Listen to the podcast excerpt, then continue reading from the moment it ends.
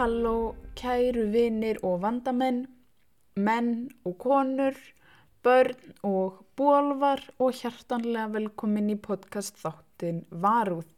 Ég heiti Birta Dögg Bessadóttir og ég mun vera með ykkur í dag. Nú,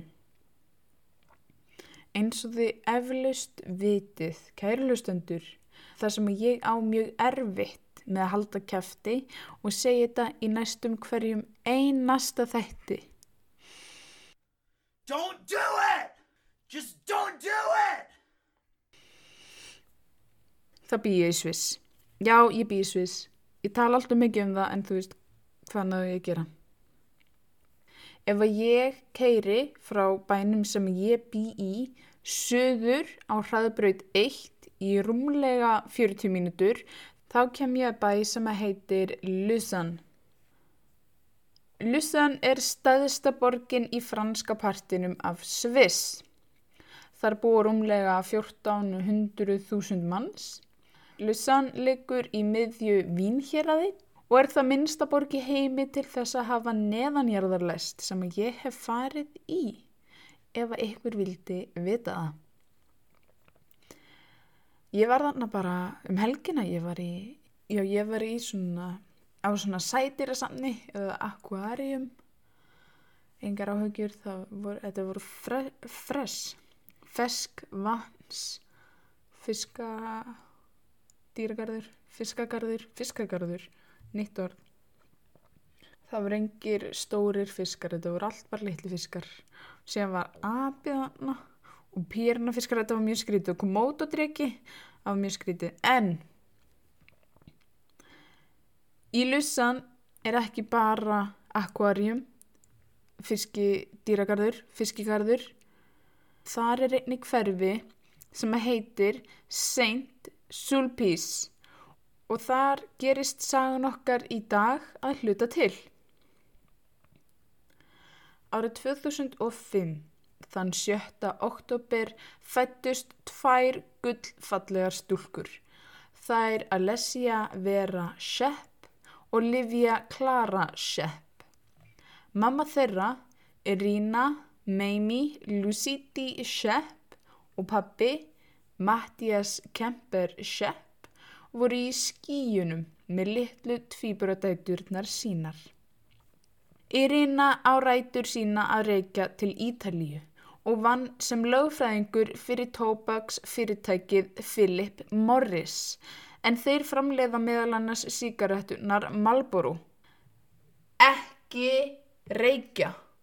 Ok, ekki reykja, það er ógeðslegt, þú lyktar illa, tennuna þín að vera ljótar, húðin þín verður gömul, ekki gera það. Ok, þú far krabba megin og þú deyrð og þannig er það, sleftu því. Allavega hana.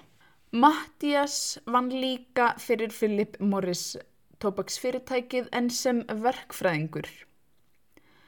Mattias var upprunalega frá Kanada en hafði flutt til Sviss og var með svissnenskan ríkisborgararétt. En hafði flutt til Sviss og var með svissnenskan ríkisborgararétt.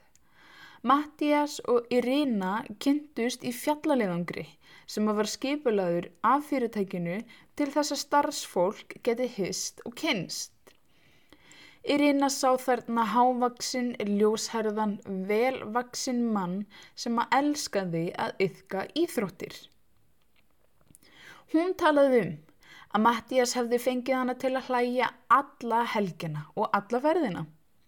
Til að byrja með var Irina ekki ástfungin af Mattias, en samband þeirra ógst og giftist þau í júli 2004 á Ítalju eftir að Irina hefði komist að því að hún væri ólétt að tvíburastelpunum. Til að byrja með var Mattias hrættur. Hann var þá 43 ára og þau Irina voru aðeins búin að vera í sambandi í eitt ár. En hann sætti sér fljótt við aðstæðunar og byrjuði þau að búa saman skömmu áður en þau giftust. Lífið var gott og litlu stelpunar voru heilbreyðar. En svo byrjiðu evasemdirnar í garð í rinu. Það voru stundir sem að Mattias virtist skorta alla samúð. Fyrsta skiptið sem að Irina tók eftir því var þegar þau voru að lappa saman í bæ á Ítalíu þegar Irina tók eftir litlum heimilislausum strák. Hjartað sökk í brústi Irinu. Hann var skítugur og það var kallt úti. Irinu langaði að gráta. Hún vorkendi honum svo og byrjaði að tala við hann. Þá kom Mattias og tógaði hana á handlegnum í burtu. Hvað ertu að gera? Hann er bara barn, sjáðu, sagði Irina. Við því svaraði Mattias. Af hverju þér ekki sama? Það er miljón af þeim. Komdu.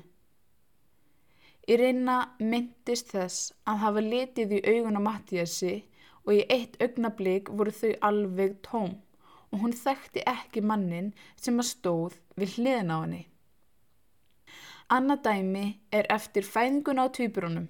Þá fekk Irina blóðeitrun og varð lífshættulega veik. En þrátt fyrir veruleg veikindi Irinu kom Mattias með fjölskyldu meðlimi og vini til að sjá stelpunar og stundum ókunnugt fólk sem að Irina hafði aldrei séð áður. Hann benti fólki á Irinu og sagði Þetta er konan mín, en nefndi hana aldrei á nafn. Irina sagði í segni tíð að hún hefði átt að fara frá honum þá og þegar. Með tímanum varð hegðun Mattíasar verri og verri og hann varð mjög stjórnsamur. Það voru gulir post-it miðar með ströngum dagskrám um allt húsið. Allir dagar voru skipulaðir í þaula og það þurfti að gera allt á ákveðin hátt. Hvernig áttu að borða? Opna ískápin, hvernig stelpunar leku sér, allt þurfti að gerast á ákveðin hátt. Hver eini og einasti smáhlutur í daglegu lífið þeirra þurfti að gerast á ákveðin hátt. Um leið og Mattias kom heim úr vinnunni var hann eins og herfóringi. Matartími var á slæginu klukkan sjö. Svo fóru stelpunar í bað og í náttfutt. Eftir það horfðu þau að sjónvarpið í smá stund.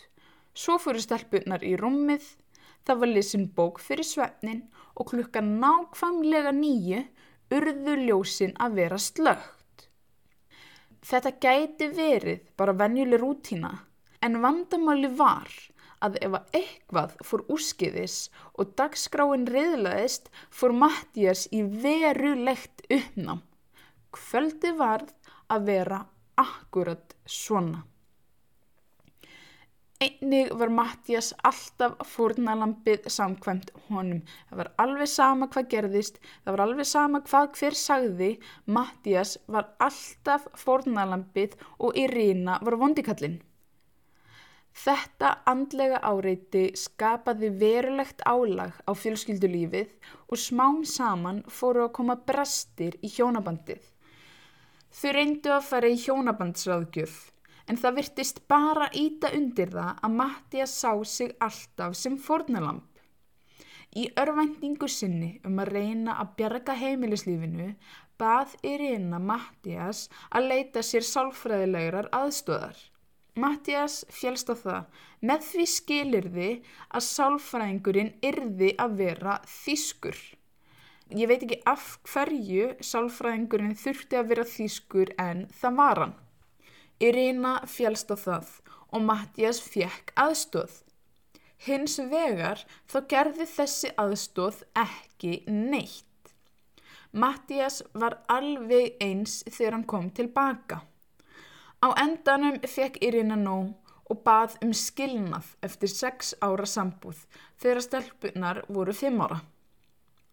Mattias var ekki sáttur og mótmælti því mjög harkalega.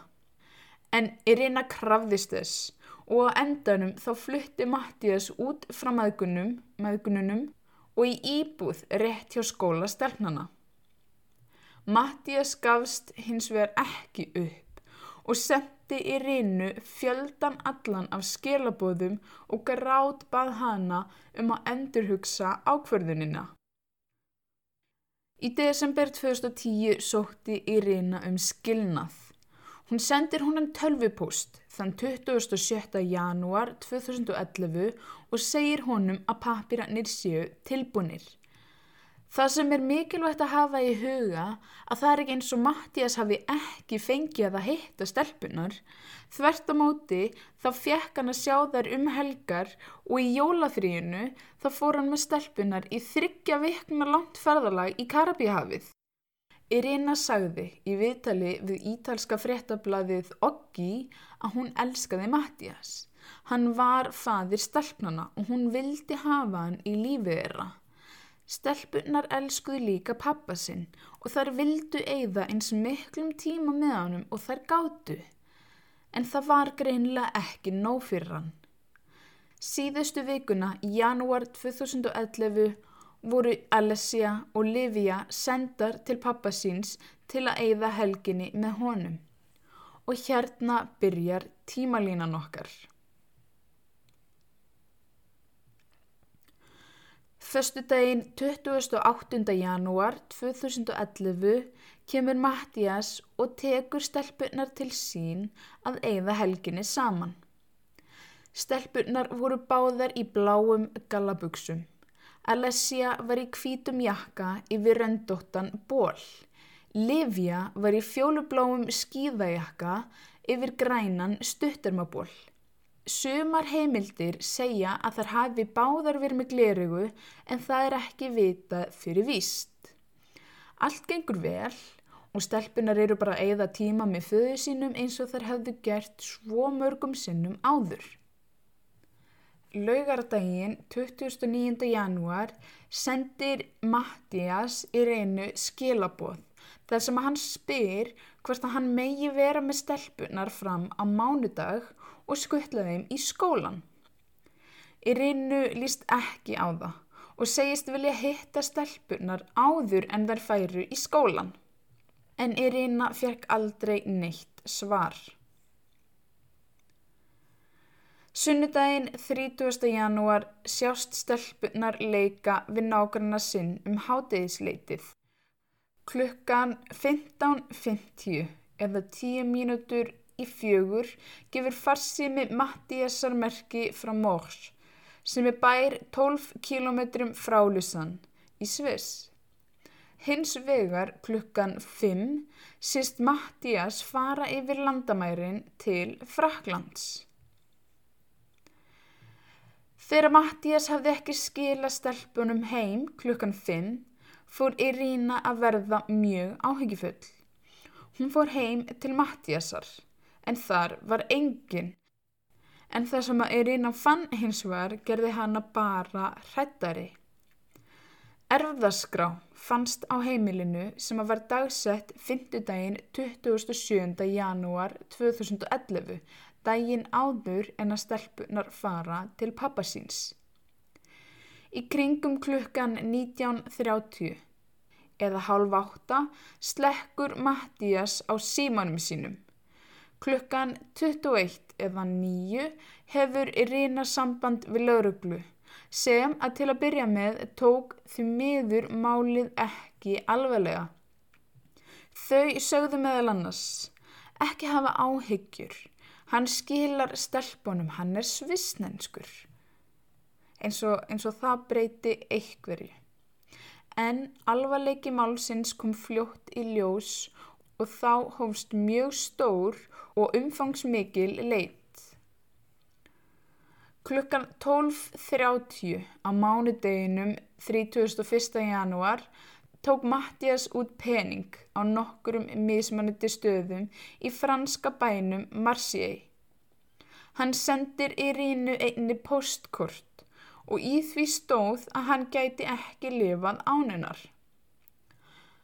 Um kvöldið kaupir Mattias þrjá miða um borð í ferju sem að fer frá Marseille til frönsku eigarinnar Korsika. Vittni segjast hafa sé Mattias og stelpunar um borð í ferjunni en enginn sér stelpunar fara frá borði. Það var síðasti áreiðanlegi vittnisspurðurinn um stelpunar og í síðasta skipti sem að einhver getur sagt að þau hafi séð stelpunar.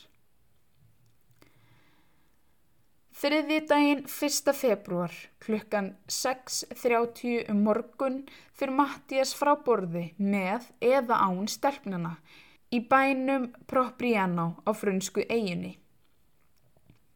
Klukkan nýju um kvöldið tekur Mattias aðraferðu frá Barista sem var bær alveg hinum megin á norðaustu hluta eigirinnar og fer til Toulon en Toulon er bær á suðaustur hluta Fraklands, ekki mjög langt frá Nýs. Mattias kemur til Toulon klukkan 7, miðgudags morgunin annan februar og klukkan 9 um morgunin sést Mattias á örgismyndavél einan á ferð við vegatóll. Á fymtudeginum 3. februar klukkan 12 á hádegi sést Mattias á Naples á Ítalíu. Klukkan 10 um kvöldið sama dag hoppar Mattias fyrir lest í ítalska bænum Sergiola í suðaustur hluta Ítalíu og fremur þannig sjálfsmorð. Pás, pása, leiklið, tökum 5 mínútur smá pásu. Áður en við höldum áfram þá veit ég að þetta er mjög flókið og erfitt, sérstaklega þessi tímalína að því að hann fer svo ótrúlega langa vegalengt. Ég fór í marga, marga, marga ringi með þetta mál en tímalínan og kort með ferðum hans mun vera inn á Instagraminu varúð.podcast varúð.podcast og á Facebook-grúpunni Varúð. Þannig að ef þið viljið fara og sjá betur nákvæmlega leiðina sem hann fór, þá mæli ég eindrið með því að þið farið inn á samfélagsmiðlana og skoðu þetta að því þetta auðveldar ykkur vonandi að skilja málið aðeins betur. En núna mun ég tala um rannsóknina á málinu. Það var mikið umstang sem að fyldi leitinni vegna þess að Mattias hafði ferðast svo langt. Tali var að hann hafi farið með stelpunar á staði þar sem að fjölskyldan hafði áður farið saman í frí á Korsika sem er franska eigin. Það var einnig orðrómur um að stelpunar hefði verið getnar á sömu ferju og þær hurfu af en það hefur aldrei verið sannað. Lauruglan var, eins og áður kom fram, sein að taka saman höndum og byrja að rannsaka málið. Nú Irina var alveg í mólum eftir þetta. En djöfusis hetjan sem hún er, að í stað þess að býða það ákvað hún að taka málinn í sínar eigin hendur. Hún talaði við banka og símafyrirtæki og fekk uppgefið seinustu millifæslur og símtöl sem að tengt voru Mattias. Hún fór í apotek til þess að aðtuga hvort að Mattías hefði keift ykkur hættuleg lif eða svepptöflur.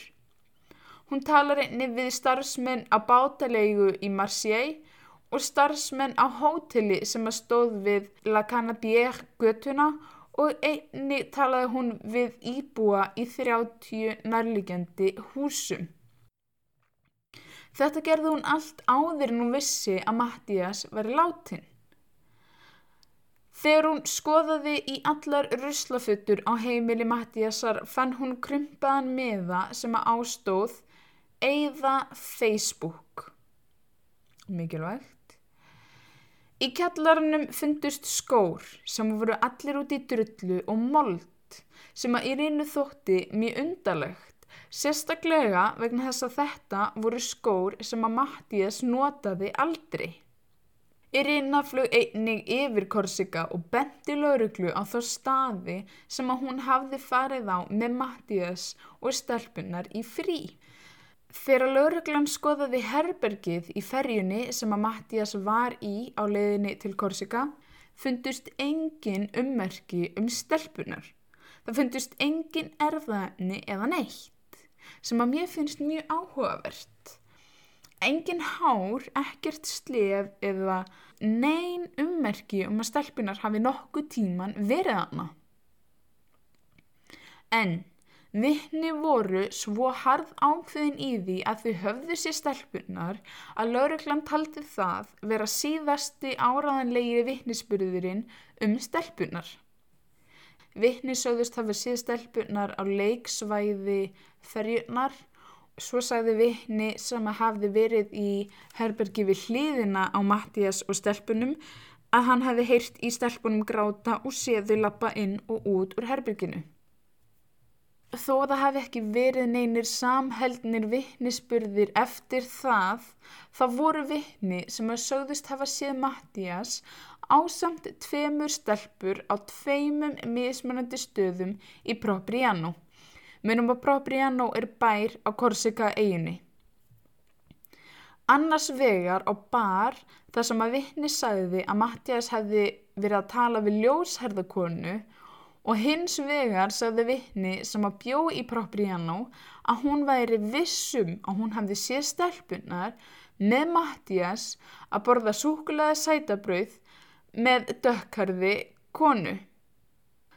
Það sem að það eru rúmlega 3000 manns sem að búa í Propriano og samfélagið er mjög þjætt þá þekki allir alla og túristar skera sig út úr hóknum sérstaklega á þessum tíma. Vittni sagði að dökkarðakonan veri ekki frá bænum og að stelpunar líktust fýburunum mjög mikið. Það sem að koma óvart var hversu vel vittnið lýsir stelpunum.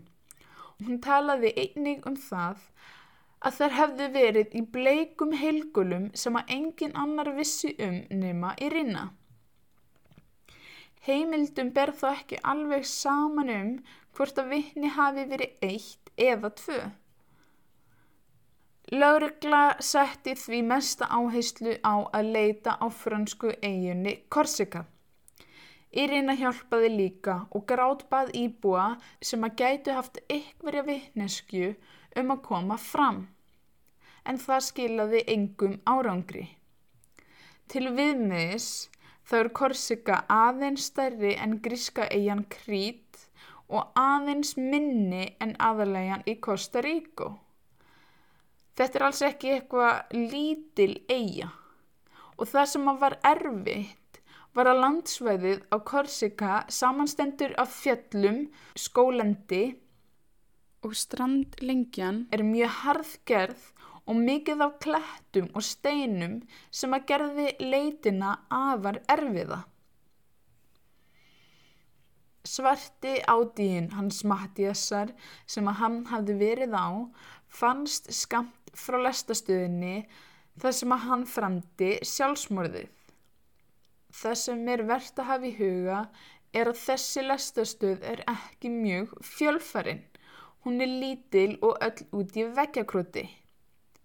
Ég held að hann hafi valið þessa lestastöð vegna þess að það voru minni líkur á að einhverju myndi sjá hann og þannig draga hann upp af teinunum og bjargunum.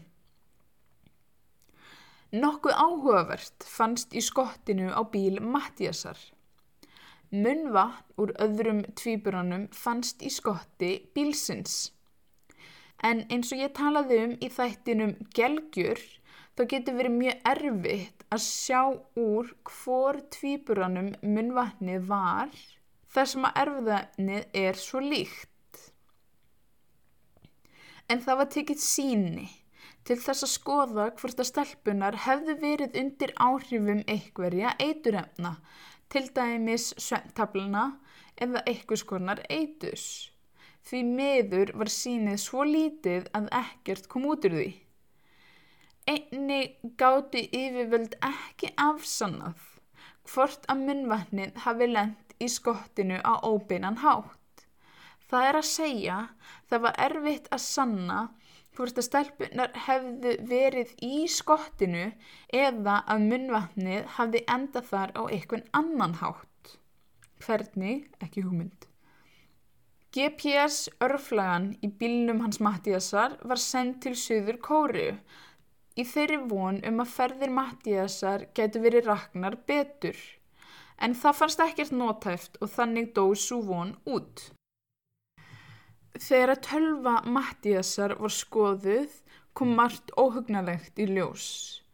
Mattias hafði leitað uppi alls konar eitur, skotvopn, sjálfsvík og tímatöflu fyrir ferjuna. Sko kann fólk ekki að eigða úr historínu sínu eða? Að því að mér finnst alltaf eins og þegar ég er að tala um eitthvað svona mál að fólk sé að googla allan fjandan, ok, ég get reyndar ekki sagt neitt.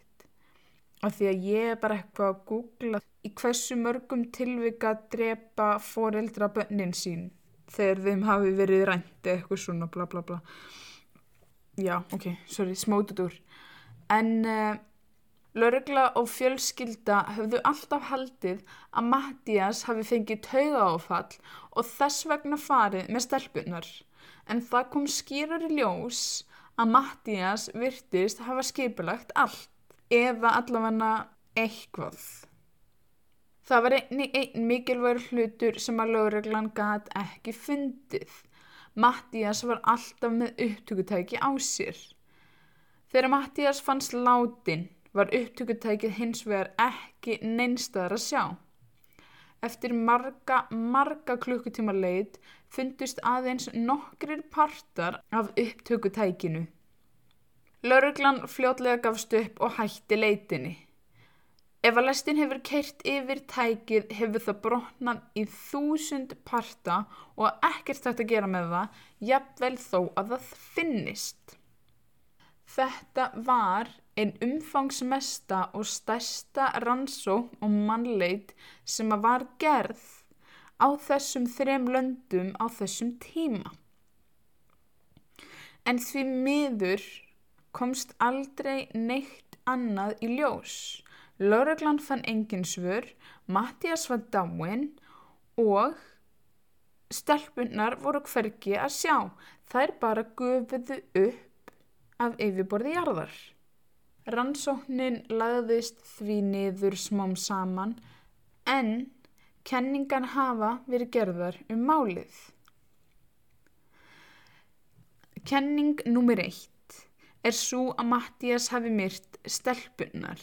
Þessi kenning er svo áraðanlegasta og það byggir að mestum hluta á einni setningu úr brefi sem að Mattias sendi í rinu þegar hann var hlaupum. Mattias sendi allt frá 8 til 10 bref til í rinu sem að inniheldu að minnstakosti 8000 eurur í seðlum en það er aðeins meira en 1 miljón í íslenskum krónum í dag.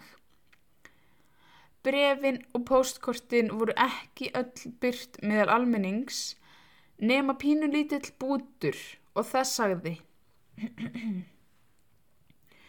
Elskan mín, ég vildi deyja með dætrum mínum en það fór ekki þannig. Ég mun vera svo síðasti til þess að deyja. Þú munt ekki sjá þær aftur. Börnin kvíla í friði. Þær þjáðust ekki og kvílast núna á rólegum stað. Brefi sagði einni að Mattías vonaðist til þess að þetta erði ekki til þess að Irina myndi taka sitt eigið líf. Í síðasta brefinu sem hann sendi sagði Mattías að hann hefði vilja ræða við Irinu á skinsamlegan hátt en Irina hefði svarað með lögfræðingum. Hann sagði að hann væri að ganga af göblunum, að hann heldi að hann væri að missa dætur sínar og að hann myndi alltaf elska erinu. Þarna eru við komin með mótif eða ástæði fyrir Mattias að myrða stelpunar. Hann held að Irina myndi flytja til Brussel í Belgiu þar sem að foreldrar hennar byggu. Það er ekki vita hvort að Irina hafði planað þetta eða ekki en Mattias trúði þessu svo innilega að það fekk hann til þess að ræna stelpunum og mögulega myrða þær. Einnig er talið að Mattias hafi myrt stelpunar til þess að hennar sín á Irínu fyrir að skilja við hann. Ef að brefið sem að hann segist vilja deyja með stelpunum og að þær kvíli í friði sé satt, þá er það bara grimmur veruleikin og við verðum að horfast í augviðan. Munum líka að Mattías var leita upp í eitur og sjálfsmorð nokkrum dögum áður en hann tók stelpunar. Ef við hugsum um erðaskrána sem að Mattías gerði daginn áður, daginn áður en að stelpunar komu til hans, þá skrifar hann í endan að ef að stelpunar af einhverju ástæðu væri láknar þá myndu eigur hans fara til sískina hans. Af hverju ætti hann að skrifa það? Stelpunar voru sex ára og fíl hraustar. Eina útskýringin er svo að hann hafi ákveðið að myrða þær. En hvar eru þá stelpunar? Það hefur aldrei fundist tangur niður tetur af þeim. Sumir halda að Mattias hafi myrt þær á skútinni, sett þær í ferðartösku og hent þeim fyrir borð í sjóin. Það sem að mér finnst áhugavert er hins vegar að það voru engar sannanir fyrir því að stelpunar hefðu verið á skútunni nema fyrir vittnisspurðina. En vittnisspurðir eru ekki alltaf áriðanlegir. Ég veldi því fyrir mér hvernig Mattias hefði getað myrtaður án þess að nokkuð erfðanni úr stelpunum hafi verið eftir. Það er hægt en það er erfitt. Þar sem að þetta var næturferja hefði hann getað dópa stelpunar upp með svepptöflum og hendum þannig beint í sjóin og þær þar leðandi druknað en það hafa einnig verið kenningar um að Mattias hafi myrtar í Sviss áður en að hann fór til Fraklands. Fólk veltiði fyrir sér af hverju Mattias stoppaði svona lengi í Mors. Sumir halda þetta og skítugur skonnir sem að fundust í kjallaranum gæfi í ljós að hann hefði myrtaðir áður en hann fór til Fraklands og það losa sig við líkin í Geneva vatninu. Kenning nr. 2 er að Mattias hafi gefið stelpunar eitthvert annað áður en hann lést. Mögulega til dularfullu ljóshærðu eða dökkhærðu konunar sem átti að hafa verið með þeim. Nokkrum dögum eftir kvarfið á stelpunum ringdi starfsmæður barsins La Terrassa sem var staðsettur í Orsinaro sem er bær á Korsika eiginni. Starfsmæðurinn sagðist að hafa séð tvær ungar stúlkur sem að líktust Alessju og Liviu á barnum. Hins vegar þegar lauruglan mætti á svæðið voru stelpurnar farnar. Ekver segist hafa séð stelpurnar í Veslunamiðstöð á Ítalíu Eftirlitsmyndavilar sína meiri segja tvær ljósara stelpur í nokkra sekundur en rannsóng gaf það til kynna að það hefðu ekki verið Alessia og Livia. Árið eftir að þeir hurfu segðist einhver hafa séð stelpunar í þetta skipti á Kroatíu en eins og áður þá greip lauruglan í tómt. Ítalska sjónvastáttaröðin Tí La Visto eða hver hefur séða fjallar um mannskvörf og önnur ólist sakamál. Í þætti sem kom út 19. februar 2014 segir þulurinn frá brefi sem að hafi verið sendt til þáttarins. Maður sem að vann við að búa til fölsuð vegabref segist hafa búið til vegabref fyrir stelpunar. Hann talaði um að stelpunar væru á lífi í Kanada en ekki á sama stað. Önnur í Ottawa og hinn í Quebec. En kanadíska lauruglan var ekki send í það verkefni og enn og aftur voru engum spurningum svarað og stelpunar eru ekki ennþá fundnar.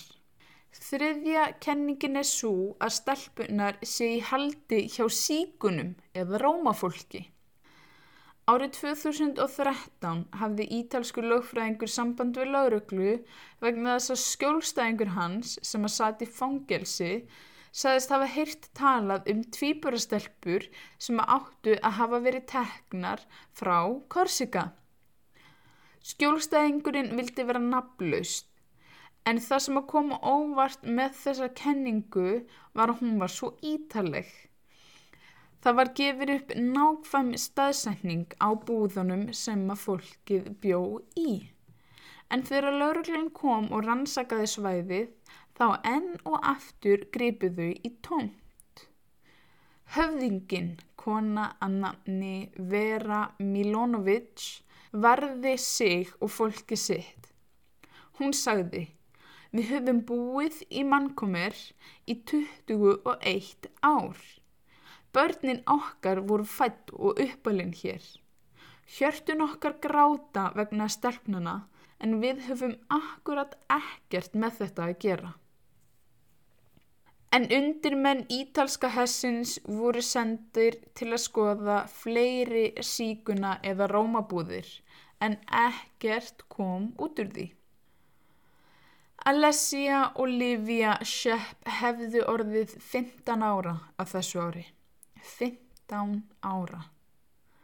Úlingar að sækja skóla og gera allt það sem að venjulegir úlingar ættu að vera að gera.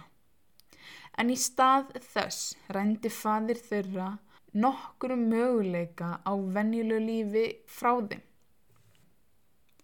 Því miður þá þykir mér það líklegast að Mattias hafi myrt stelpuna sínar tvær.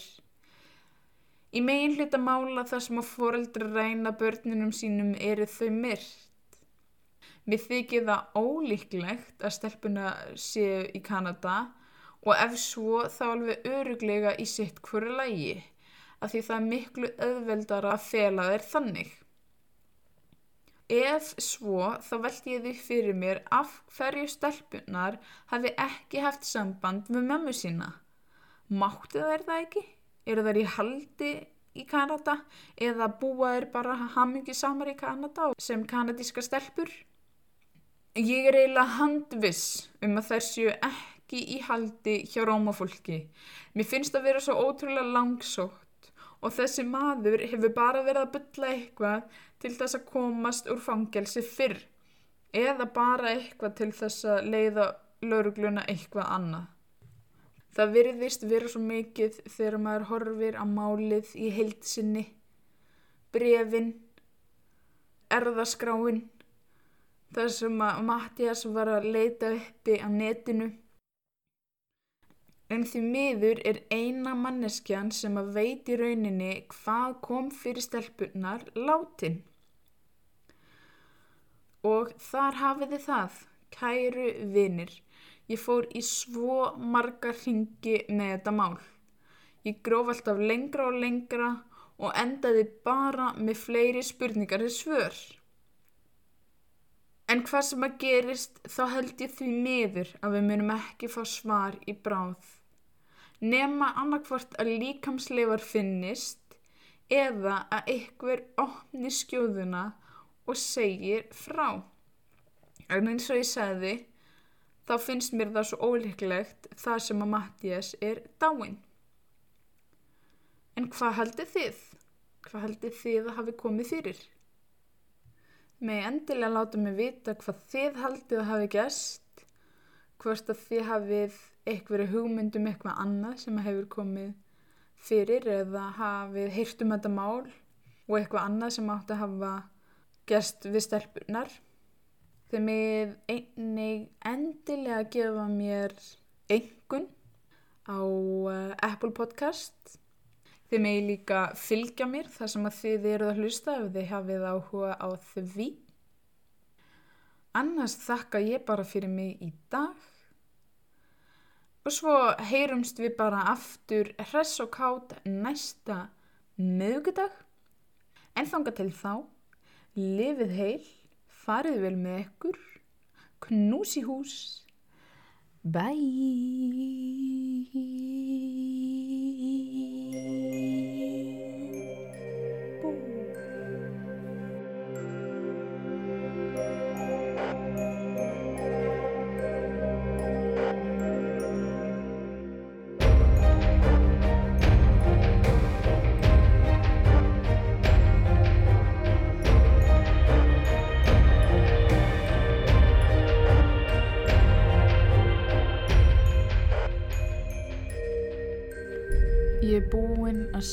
Frá öllum samfélagsmiðlunum mínum. Það er varúð.podcast á Instagram og uh, varúð á Facebook en mér langar þakka nýju reittstýrunni minni Hafrúnu Efu kærlega fyrir Hafrún þú ert að bjarga mér. Takk fyrir. Thank you, thank you, thank you. I love you, love you. Mwah.